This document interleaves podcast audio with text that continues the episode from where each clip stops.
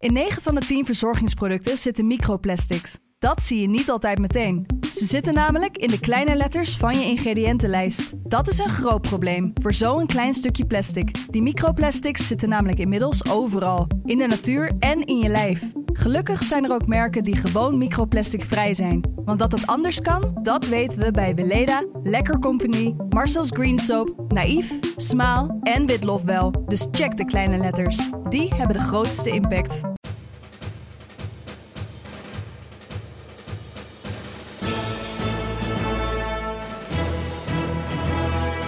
Dit is Delta Tango, de defensiepodcast van de Telegraaf. Wij hebben natuurlijk in Nederland altijd het gevoel van de oorlog in Oekraïne is ver weg. Dat raakt ons niet. Maar we realiseren ons minder dat als de NAVO rechtstreeks in de clash raakt met de Russische Federatie, dat Nederland dan daadwerkelijk ook echt een doelwit wordt.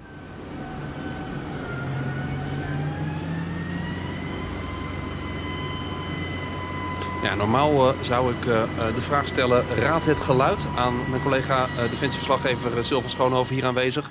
Maar ja, dat zou in dit geval een beetje makkelijk zijn, want hij heeft het zelf opgenomen. Wat je hoorde was het geluid van een panzervoertuig dat van de loopplank afrolt. Uh, en dat uh, gebeurt deze week met honderden tegelijk in Vlissingen, waar uh, het Amerikaanse leger een enorme hoeveelheid materieel aan, aan land brengt. Materieel wat bedoeld is voor de versterking van de NAVO-troepenmacht hier aan de, aan de oostkant van het verdragsgebied in Europa. En dat komt allemaal natuurlijk nog steeds door de oorlog in de Oekraïne. Het is cru om te zeggen, maar we beginnen dat al bijna als normaal te beschouwen, die hele oorlog. Bijna een jaar duurt die nu en de uitkomst is nog verre van zeker. Ook al lijkt Oekraïne aan de winnende hand. Voor de NAVO is die nieuwe agressieve rol van Rusland inmiddels de realiteit. Een realiteit waarop de verdragsorganisatie zich aanpast. Dat gebeurt bijvoorbeeld met grotere aanwezigheid van troepen en dat uh, zware materieel. Sylvan, jij zag ze allemaal binnenkomen. Om met dat Vlissingen te beginnen, waar hebben we het eigenlijk precies over? Ja, het was spectaculair om te zien. Ik kan niet anders zeggen. Je bent daar in Vlissingen voor, voor het gevoel aan het eind van de wereld. En je ziet daar de, de kade vol staan met echt, echt een zee van zandkleurige panzerwagens, tanks, jeeps, brugleginstallaties. Nou, een enorme hoeveelheid materieel. Een heel bataljon vol Amerikaans materieel. En dat staat klaar om te worden verscheept verder uh, naar, uh, naar de oostflank van Europa. Je zei het al, hè, dat gaat per trein, dat gaat per boot, dat gaat per truck over de weg. Het wordt echt manifest daar. Het, het, is, daar heel, het is daar heel concreet wat er aan de hand is nu op ons continent. Ja, je ziet, je ziet echt voor je uh, wat er allemaal die kant op gaat. En als het naast elkaar staat, dan, ja, dan zie je de, de, de volle omvang van, van dat materieel denk je van nou, dat kan echt wel wat gewicht in de schaal leggen. En dat is blijkbaar nodig, want de, de dreiging aan die zijde van het, uh, van het verdragsgebied is, zoals we allemaal weten, heel groot op dit moment. Ja, uh, om, om even voor de zekerheid. Is dit nou, uh, zijn dit spullen die geschonken worden aan de Oekraïne om in te zetten, of is het iets anders? Nee, dit is dus, even voor duidelijkheid, dit is geen materiaal wat naar Oekraïne zelf gaat. Dit gaat voor 100% gaat dit naar Polen en Litouwen, naar ja, de Amerikaanse troepenopbouw daar. Die staan aan de grens om daar ja, de afschrikkingstaak te vervullen. En te laten zien aan Rusland van het waagt niet om het conflict buiten de oevers van de grenzen van Oekraïne te laten vloeien. En uh, daar zal het ook worden ingezet uh, als, dat, als dat nodig is. Maar het gaat volgens nog niet Oekraïne binnen. Nee, die hele grote troepenmacht waar je het over hebt. We komen daar straks nog op terug. Want jouw week stond echt in het teken van, van Oekraïne in een hoop opzichten. Dat is snelle NAVO-reactiemacht. Die is opgeroepen meteen na Russische inval. Uh, en eigenlijk zie je dat van snelle reactiemacht dat dat nu veel meer toegaat naar een, een troepenmacht die langdurig daar in dat oosten zal gaan blijven om, nou ja, het is bijna uh, koude oorlogachtige uh, afschrikking te verzorgen. Ja, nou is dat op zich al wel wat langer bezig. Hè? Dat was natuurlijk ook al gaande voor de inval in Oekraïne. Toen was ook de NAVO al heel nadrukkelijk daar de spierballen aan het laten rollen. Om Rusland te laten zien van we zijn er, we staan er. Als je iets hier over de grens waagt, dan zijn we klaar om uh, met onze volle macht uh, daar tegen in te gaan. De oorlog in Oekraïne heeft dat natuurlijk alleen maar duidelijker gemaakt. En de noodzaak om, om nog meer die spierbal te laten zien vergroot. Ja. En dat, je, is, dat is wat er daar gebeurt. Even, even terug naar Vlissingen. Als je daar bent, is dat dan heel heftig bewaakt? Ziet het er als een, als, als een terminal als gewoon uit? Of is het wel een beetje een soort mini, uh, mini legerkamp wat daar bij elkaar is? Nou, dat laatste is het geval. Het is ook een, een speciaal, ja, het is een tijdelijk militair terrein. Is ja, echt eh, speciaal daarvoor, daarvoor aangewezen. Prikkeldraad, honden, dat soort ideeën? ja, vo- volledige bewaking eh, door Nederlandse militairen. Want dat is de, de taak die Nederland daarbij speelt. Hè. Zij zijn het ontvangende land, het doorvoerland. En zij zorgen voor de, voor de beveiliging. Dus dat betekent dat iedereen die daar binnenkomt, er wordt volledig gecheckt. Auto's worden besnuffeld door honden. Alles wordt bekeken, niet alleen, niet alleen op, op land, maar ook op het water en ook onder water. Want Zo. duikers die gaan echt daar de bodem af, afscannen en de, en de romp van het schip afscannen om te, om te kijken of daar niet iets tegenaan geplaatst is. Dus van ja, zelfs met dat soort scenario's wordt dus rekening gehouden. Dat is niet zo gek natuurlijk, want ja, zo'n zo'n transport is enorm waardevol, enorm van groot strategisch belang. En ja, Rusland, ja, reken maar dat die, dat die dit in de gaten houden, dat die weten dat dit, eh, dat dit plaatsvindt en dat, ze, dat ze goed uit zou komen als daar iets mis zou gaan. Nou, zullen ze die stap nog niet zo snel zetten om hier daadwerkelijk iets op te gaan afschieten of om eh, een, eh, een bommetje tegen de romp te laten ontploffen, waardoor al het materieel naar de bodem gaat. Dat zal zo'n vaart nog niet lopen. Maar eh, helemaal on- ondenkbaar is het natuurlijk allemaal niet meer. Ik wou net zeggen, het is niet zo'n heel raar scenario. Want je hoort toch ook wel de afgelopen maanden dat als Rusland iets zou willen doen, als Ru- Rusland een grote aanval wil, zou willen doen op het verdragsgebied, ja, dan komen toch een paar locaties eh, nadrukkelijk naar, bo- naar boven. Dat is Brussel, waar natuurlijk het NAVO-hoofdkwartier staat en, en een heel belangrijk bestuurscentrum en ook een, een grote symbolische waarde. Maar heel snel daarna toch ook bijvoorbeeld de Rotterdamse haven en in dit geval eh, de Vlissingse haven dan bijvoorbeeld. Ja, wij hebben natuurlijk in Nederland altijd, altijd het gevoel van de oorlog in Oekraïne is ver weg. Dat raakt ons niet. Dat speelt zich ver weg van onze landsgrenzen. Maar we realiseren ons minder dat op het moment dat die zaak verder escaleert, als de wapenleveranties uit de Verenigde Staten nog, nog, nog, nog langer doorgaan. eh, en zeker als de NAVO rechtstreeks in de clash raakt met de Russische Federatie, dat Nederland dan daadwerkelijk ook echt een doelwit wordt. En dan heb je het inderdaad vooral over de transportknooppunten, de, de, de logistieke overlaadplekken, waaronder dus de Rotterdamse haven eh, en dus ook de Vlissingse haven, eh, zijn dan opeens ja, strategisch belangrijke doelwitten die in aanmerking zouden kunnen komen voor een, voor een aanval. En hoe duidelijk dat is dat, dat dat echt in beeld is, blijkt uit een studie van de Amerikaanse denktank eh, Rand Corporation. Zeer, zeer autoriteit, hè? Heel, zeer, eh, zeer, zeer als zeer betrouwbaar ja, te boek staande club. Ja. heel, heel gerenommeerd. En die hebben gekeken naar de mogelijkheid eh, van wat moet je nou doen als Rusland als puntje bij paaltje komt, als ze zo'n aanval uitvoeren ergens in Europa. Bijvoorbeeld op de Rotterdamse haven, en die noemen ze dus echt bij naam. Eh, wat moet je dan doen? Hoe moet je daarop antwoorden? Dus ze hebben echt een soort, en dat is, dat is echt de hoge militaire wiskunde bijna. Hè? Wargames. dit zijn echt de wargames. Zo van, oké, er komt een aanval op Nederlandse bodem. Daarbij vallen slachtoffers. Dat rekenen ze dan mee. Ze gaan even uit van een beperkte aanval. Dus je moet niet denken aan een massaal bombardement of iets Wat voor dergelijks. soort wapen zou je überhaupt een Nederlands doelwit kunnen halen? Nou, je zou met een, met een kruisvluchtwapen of je zou met een, eh, zeg maar een, een, een, een sabotageactie waarbij een bom wordt geplaatst. Hè. Dat, dat, datzelfde hebben we natuurlijk gezien ook aan de, aan de Russische zijde dat dat gebeurd is. Waardoor je bijvoorbeeld een schip tot zinken kan laten brengen. Nou, eh, met een beperkte aanval, bijvoorbeeld een raket op zo'n havengebied, eh, wordt niet het, het, het, het volledige havenbedrijf lamgeslagen. Het is een beperkte aanval waar, waarbij wel slachtoffers vallen, maar waarbij, waarbij toch de activiteiten snel weer door kunnen gaan. Maar goed, het, dat is natuurlijk een klap in het gezicht op NAVO-territorium. Dus zou je zeggen van, dan treedt artikel 5 in werking. Een aanval op één is een Ja. aanval op alle. En eh, dan, moet je, dan moet je dus terugslaan. Maar dan kom je natuurlijk ook wel weer in het beginsel proportionaliteit. Want zo'n soort aanval eh, kan je moeilijk beantwoorden met bijvoorbeeld een massale, massale nucleaire reactie. Ja, dat ga je natuurlijk niet doen. Eh, maar je moet dus vreselijk goed nadenken op voorhand al. Van oké, in dit geval, wat is nou een goed antwoord? En dat is razend ingewikkeld. Je moet dus nadenken van oké, je wil Rusland duidelijk maken dat dit niet kan. Eh, je wil hen treffen waar het pijn doet. Maar je wil hen ook niet zodanig raken waar het pijn doet. Dat zij dan weer een tegenzet doen die nog heftiger wordt. Want dan ga je de escalatieladder op. En dat zijn we nou met z'n allen aan het proberen te vermijden. Al die maanden die de oorlog al duurt. We willen eh, de oorlog beperken nog tot Oekraïne. Ja. Zodra het daar buiten gaat, ja, dan is de sky the limit. En dan kun je in hele nare scenario's terechtkomen. Zolang het in Oekraïne is allemaal, dan eh, is het overzien. Dus een van de antwoorden die de Rand Corporation geeft, is van wat, wat, zou nou een, wat zou nou een passend antwoord zijn? Is van nou, je zou bijvoorbeeld dan een militaire aanval kunnen uitvoeren op Russische troepen, maar niet in Rusland. maar Ja, ja. buiten Rusland. In Oekraïne dus. Dan in Oekraïne bijvoorbeeld. En dan, eh, ja, dan krijg je wel de situatie dat sommige delen van het land inmiddels beschouwd worden door Rusland als Russisch territorium. Maar goed, dat, daar stappen we dan maar even overheen. We gaan er dan maar even vanuit dat we de grenzen van 1991 aanhouden als eh, ja, de grenzen zoals zijn. Dus ja. dat zou dus ook de Krim kunnen zijn, hè, bijvoorbeeld. En dat wordt natuurlijk door Rusland heel erg gezien als hun, eh, hun territorium. Dan kan je toeslaan, maar dan geef je to- toch aan Rusland het signaal af van oké, Tot hier maar niet wij verder. slaan terug. Hè? Wij moeten dat doen eh, in antwoord op jullie aanval. Maar we houden onszelf in. Hey, iets anders, dus, dus je mag wel verwachten dan dus dat dit soort scenario's ook wel op de plank liggen in plein 4 of in, of, of in het Ja, torentje. Natuurlijk, eh, hier wordt denk ik continu over, over nagedacht. En ehm, dat moet je ook doen. Want op het moment dat zoiets gebeurt, moet je natuurlijk ook ja, snel met iets komen. Dan heb je, kan niet de je- tijd om daar wekenlang over te gaan vergaderen. Nee, de- in de beste Nederlandse traditie te gaan polderen en eh, de Ja. scenario's te doorlopen en Ja. nog, een, eh, nog even tussen eh, uit te gaan om een broodje te Ja, eten. ja.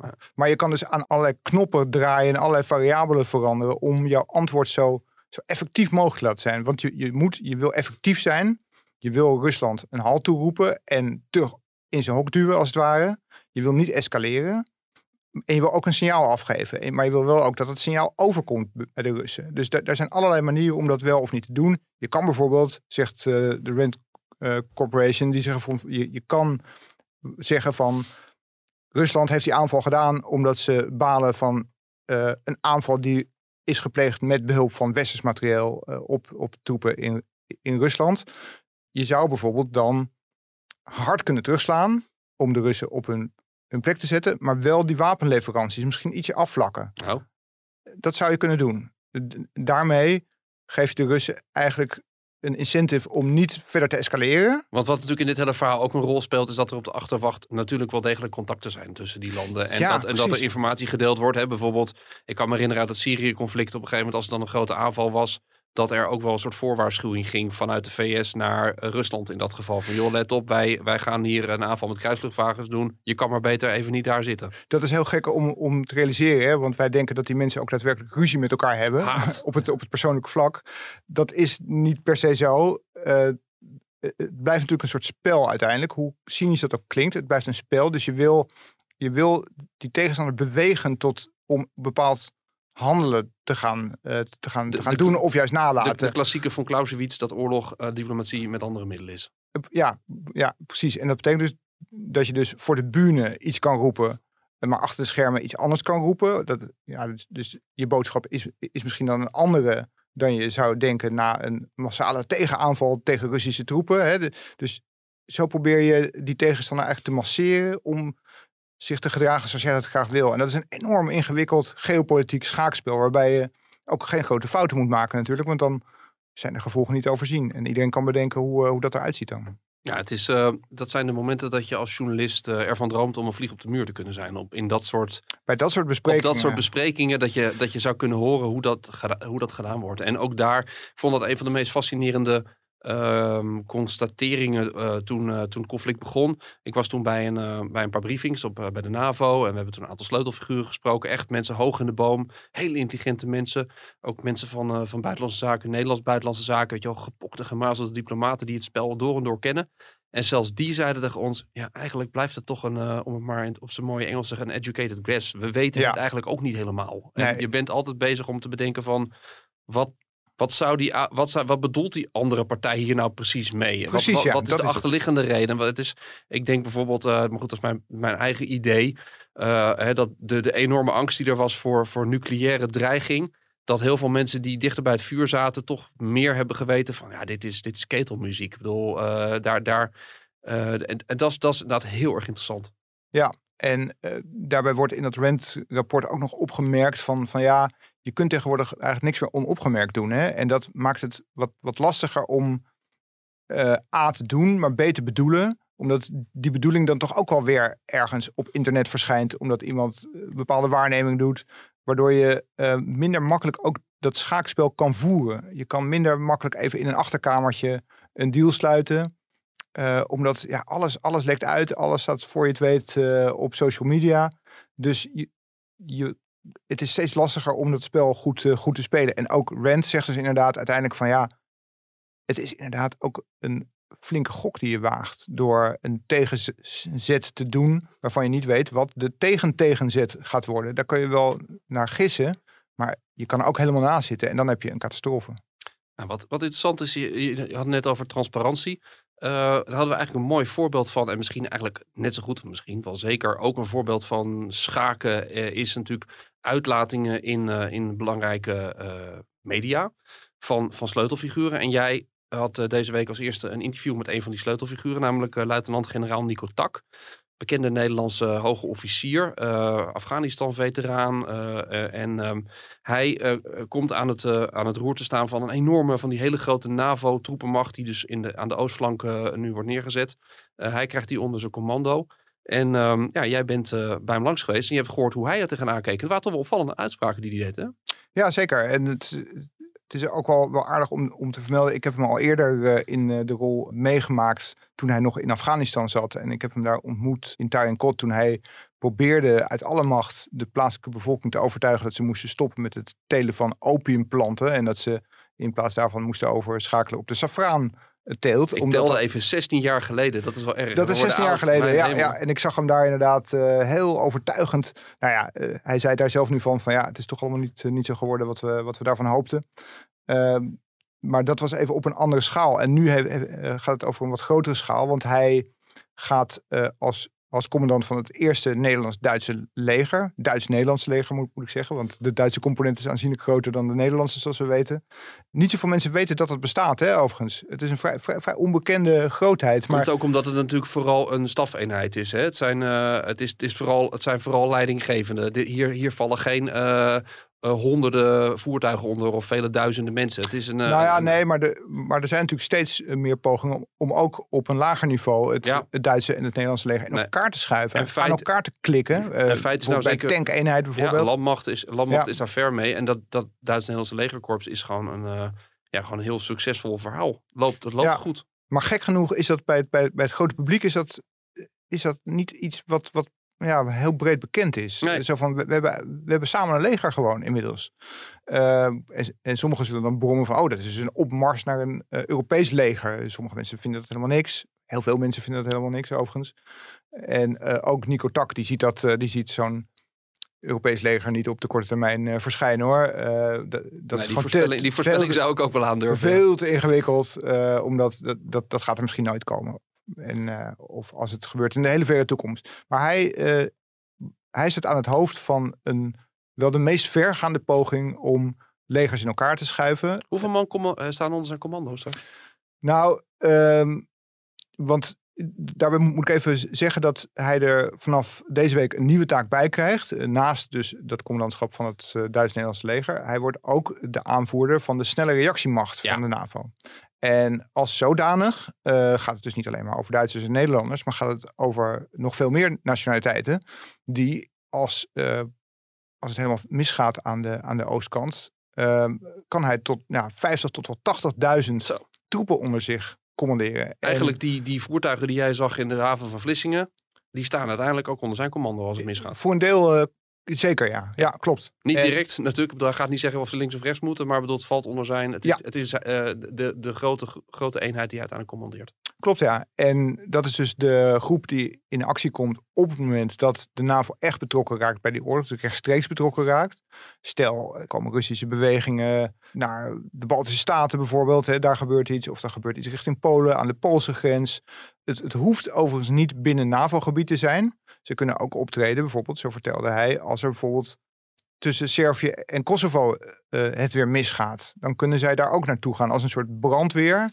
Die daar gaan proberen, voordat de vlam echt, echt in de pan slaat, te proberen te sussen, te dempen, het, het te containen. Om het te voorkomen dat het echt een uitslaande brand wordt. Maar ook als het, als het dat wel wordt, ja, dan zijn zij ook, ook de eerste die daar actie op gaan ondernemen. Nou, het lijkt me een hele zware verantwoordelijkheid. Uh, ik, ik zei ook tegen hem van, van ja, uh, kan je nog wel slapen s'nachts als je, als je weet dat, dat als het echt misgaat, en dan heb je het natuurlijk feitelijk, feitelijk over een derde wereldoorlog, dat, dat jij dan degene bent die... Of, of zelfs militairen hadden zeggen dat je ervan bent. ja, dat jij dan op de knoppen gaat, gaat, Ah. gaat drukken. Dat lijkt me een zware En? Wat verantwoordelijkheid. was het antwoord? Nou ja, hij, maakt niet de indruk dat hij zich daar erg, eh, erg druk over maakt. Hij is natuurlijk een zeer ervaren militair met een lange staat van dienst. Dus die zijn gewend om ehm, eh, ja, verantwoordelijkheden over grote groepen mensen te dragen. Dus dat, dat, daar, ja, voor zover ik kon nagaan, eh, lag hij daar niet wakker van. Sliep je goed? Geen, geen wallen onder de ogen. Nee, maar het, maar het is natuurlijk wel, eh, ja, het is natuurlijk nogal een ding. Absoluut. Eh, Hoe, wat is zijn kijk op, op, op dat conflict eh, eh, nu daar en, en, de, en Rusland? Ja, nou, hij eh, heeft daar een hele uitgesproken mening over. En dat, eh, dat heeft eh, flink eh, het nieuws gehaald deze week eh, na mijn interview met, met hem. Je hebt in dit conflict eigenlijk verschillende manieren om er tegenaan te kijken. Zijn visie is eigenlijk van je moet Rusland helemaal terug in het hok duwen. Dat zie je in elk conflict. Hè. We zijn zo begaan met de wens tot het einde van de oorlog. Hè. War will be over by Christmas, hè, 1914. En die is never over by Christmas. Dat was niet zo toen. Dat was ook niet in 1939 zo. En dat gaat nu ook niet zo zijn. Als je, als je ziet hoe. ehm, en dat is natuurlijk altijd een, een, een uitdaging om je te verplaatsen in het referentiekader van die opponent. Voor ons, wij hebben heel lang het rationele argument gebezigd van ja, het is niet gunstig voor de Russen. Het, het, het levert ze niks op als ze aanvallen. Ja, dat is een, een economisch rationeel argument. Maar hun argumentatie is veel meer historisch, emotioneel, cultureel. En we moeten leren om te beseffen dat dat referentiekader fundamenteel anders is. En dat ze bereid zijn om buitengewoon veel offers te plegen. Het gros van de, de Russische bevolking staat nog steeds achter deze operatie. Dit gaat niet zomaar voorbij. En, en dan is inderdaad de vraag, stel je voor dat ze, het lukt om een deel van Oekraïne te onderwerpen of, of helemaal. Kijk, als je een deel van Oekraïne zou toestaan eh, onder Russische eh, vlag te laten vallen, dan heb je in mijn optiek, is er sprake van een wapenstilstand en niet van een vrede. En een wapenstilstand is tijdelijk. En je ziet in het Westen dat we, omdat we niet, eh, nog niet expliciet zijn over die endstate, gaan we het hebben over de middelen. Eigenlijk een afleiding. Ja, dus maar, Ja, maar dat is makkelijker. Dan ga ik praten over, eh, nou ja, planes, trains, automobiles. Maar ik moet het eigenlijk hebben over die hele moeilijke discussie. Wat wil ik, hoe wil ik dat die nieuwe eindsituatie eruit ziet? Ja, dus hij zegt, we moeten gewoon de wapenopvoer, eh, de wapenleveranties eh, moet- moeten we ons niet inhouden, we moeten die eh, opvoeren. Ja, En we moeten bepalen van wat is de eindstaat die we willen bereiken. Nou, dat is dus dat Rusland wordt teruggedrongen eh, tot de grenzen van 1991, die ze zelf hebben bekrachtigd. heel interessant. Daar hoor je eigenlijk niemand over. Hè? Dat is een soort... eh, Nou- Zelensky uit zich daar wellicht wel over. Maar vanuit het Westen hoor je daar toch heel weinig over. Nou, wat je natuurlijk hier heel veel hoort, en dat hoor je de laatste tijd ook weer meer, is de opvatting. Iemand die dat ook zei, he- heeft gezegd, meen vorige week nog, is Henry Kissinger, toch ook niet de, de eerste de beste, die zegt van, jongens, we moeten gaan onderhandelen. En daarbij moeten we niet bang zijn om een compromis te sluiten. Eh, want ja, hoe lang willen we nog dat deze oorlog doorgaat? Hoeveel Ja. doden moeten er nog vallen? Hij, hij kreeg ook wel Nederlandse vocale buistuin. Hè? Harry van Bommel, oud SP eh, eh, Tweede Kamerlid, buitenlandwoordvoerder voor de partij. Ja. Die had ook een, een oproep volgens mij op, eh, op LinkedIn. En die werd ook door, door verschillende mensen eh, van verschillende pluimage, zeg ik er maar netjes bij, eh, eh, gesteund. Eh, maar het is wel een stem die je hoort bij het en weinig. Ja, nou ja, en het is natuurlijk ook eh, een soort pragmatische stem. Hè? Zo van, je kunt, wel, je kunt wel tegen elke prijs volhouden van we, we moeten en zullen 100% gelijk eh, krijgen. Want we hebben nou eenmaal gelijk. Dus de Russen moeten terug tot de, de grens van voor februari. Of eigenlijk van voor 2014 moet je zeggen. Dus inclusief de Krim. Ja. Als je dat wil, dan, dan gaat dat enorm veel levens kosten nog. Het heeft al heel veel levens gekost. Dat heeft eigenlijk voor beide partijen nog niks opgeleverd eh, het bloedvergieten kan jarenlang doorgaan als je je onbuigzaam toont. En daarom moet je misschien op een gegeven moment pragmatisch zijn en zeggen van nou, we gaan hen gebieden eh, geven tussen aanstekens. En in ruil voor vrede en bijvoorbeeld in ruil voor een onmiddellijk NAVO-lidmaatschap van wat er dan van Oekraïne overblijft. En toch, en toch is die Nico Tak blijft van, de andere, Nou, van het andere kant. Nico hè? Dak zit duidelijk niet in dat kamp van, eh, van, die, van die pragmatici à la eh, Henry Kissinger. Kissinger. Die zit heel duidelijk in het andere kamp. Zachte heelmeesters, stinkende wonden. Ik, ik, ik denk niet dat het gaat helpen. Nee? Nee, omdat je. Ik, ik had dat boekje van uh, Mark Galliotti hè, dat, uh, over Rusland. Ja. Je ziet dat dat, dat imperialistische gedachtegoed. dat zit gewoon nog diep in die maatschappij. Ja. Het is nu al het grootste land in de hele wereld. En toch is het niet genoeg. Ja. Hoe komt dat? Er zit iets in die psyche. Een, een heel diep geworteld gevoel van. Ja, maar wij moeten toch nog zeker stellen dat. Ja, dan, dan horen de Baltische Staten erbij. Weet je? Ja. En dan, dan ben je aan de beurt. Dat Kaliningrad, die enclave of exclave. Wacht op aansluiting. We waren zo zeker van zoveel dingen. En als zij. Weakness is a provoca- provocation. Als ze een kans zien, hè, ze hebben de NAVO en de Verenigde Staten zijn in hun Russische strategie expliciet als vijand benoemd. Dus als ze een kans zien om dat te ondermijnen, goedschiks, kwaadschiks, dat, dan pakken ze die. Ja. Dus dan is het wachten tot het volgende onbewaakte moment, dat er weer een, een crisis is die ons totaal afleidt van, van deze veiligheidssituatie. Ja, dan kom je misschien weer voor een eh, hele eh, eh, een conflict in Europa te staan. En dat, wil je niet. Nou, ik denk dat eh, Harry van Bommel er, er niet direct een glimlach bij krijgt om het te horen. Maar het is wel heel helder. En het leuke wat ik Het vond... klinkt eh, heel, heel ehm, hard. hard, hè? Eh, heel onbuigzaam ook. Zo van, hè, kunnen, we nou niet, kunnen we nou niet een beetje polderen? Nee, maar het is is- denk ik wel geredeneerd eh, vanuit hem. En ik denk ook wel verplaatsend in, in nou, de Rus, Russische kant. Ja, dat hij wel een punt heeft. Want, want eh, de Russen zijn niet van polderen, dat hebben we nu gezien. En in feite was de Krim en, de- en het eh, toestaan van de annexatie van die Krim... eh, met eigenlijk eh, wat gebrom en gemopper vanuit het Westen, maar niet, niet noemenswaardige niet legitiem. Maar... Dat, dat, dat was, laten we zeggen, de internationale variant van polderen. Nou ja, kijk wat dat gebracht heeft. Eh, dat heeft een hoop ellende langdurig veroorzaakt. En uiteindelijk waarschijnlijk ook mede het signaal gegeven aan Rusland van... Nou ja, als we de rest van het land pakken, vinden ze het ook wel goed. Ja, nou ja, het roept alleen wel de vervolgvraag op van, ja, hoe dan? Hoe, hoe gaan we dan Rusland helemaal terugdringen tot, eh, uit de Krim, uit de Donbass? Daar, is, daar zijn zware middelen voor nodig. Dan riskeer je dus ook eh, escalatie naar eh, ja, nucleair, eh, nucleaire scenario's. Dus ja, je, moet wel realiseren dat die onbuigzaamheid, die heeft wel een prijs. En dat, en dat zegt Nico Tak zelf ook. Die zegt van, ja, dit vraagt zware offers. Hij verwijst daarbij zelfs naar de situatie in de Tweede Wereldoorlog, hè, waarbij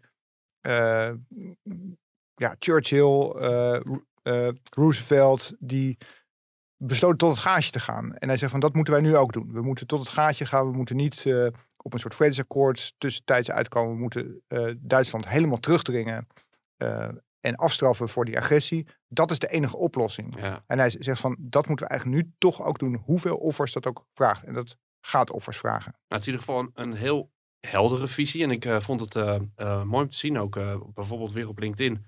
waar Tak eh, eh, behoorlijk wat eh, waardering kreeg van militairen. Die zeiden, hé, fijn eindelijk dat een generaal zich een keer uitspreekt... als er nog niet BD buiten dienst achter zijn naam stond. Nou, staat. Maar echt gewoon een hele heldere lijn. Het is ook, hij, hij wordt erin gedekt, want die lijn is ook in feite het kabinetsbeleid. Dus dat is, dat is, in die zin zegt hij niet zo heel veel bijzonders. Maar dat hij het zegt is wel weer bijzonder.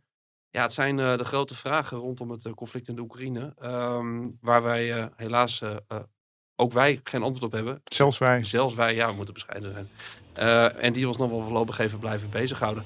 Silvan, dankjewel weer. Ehm, dit was Delta Tango voor deze keer. We hopen dat je met plezier hebt geluisterd. En als dat zo is, abonneer je op de podcast, zodat je geen aflevering meer hoeft te missen. En ook met recensies, liefst natuurlijk positieve, doe je ons een groot plezier. Wij zijn er over twee weken weer met een onderwerp uit de wereld van veiligheid en defensie.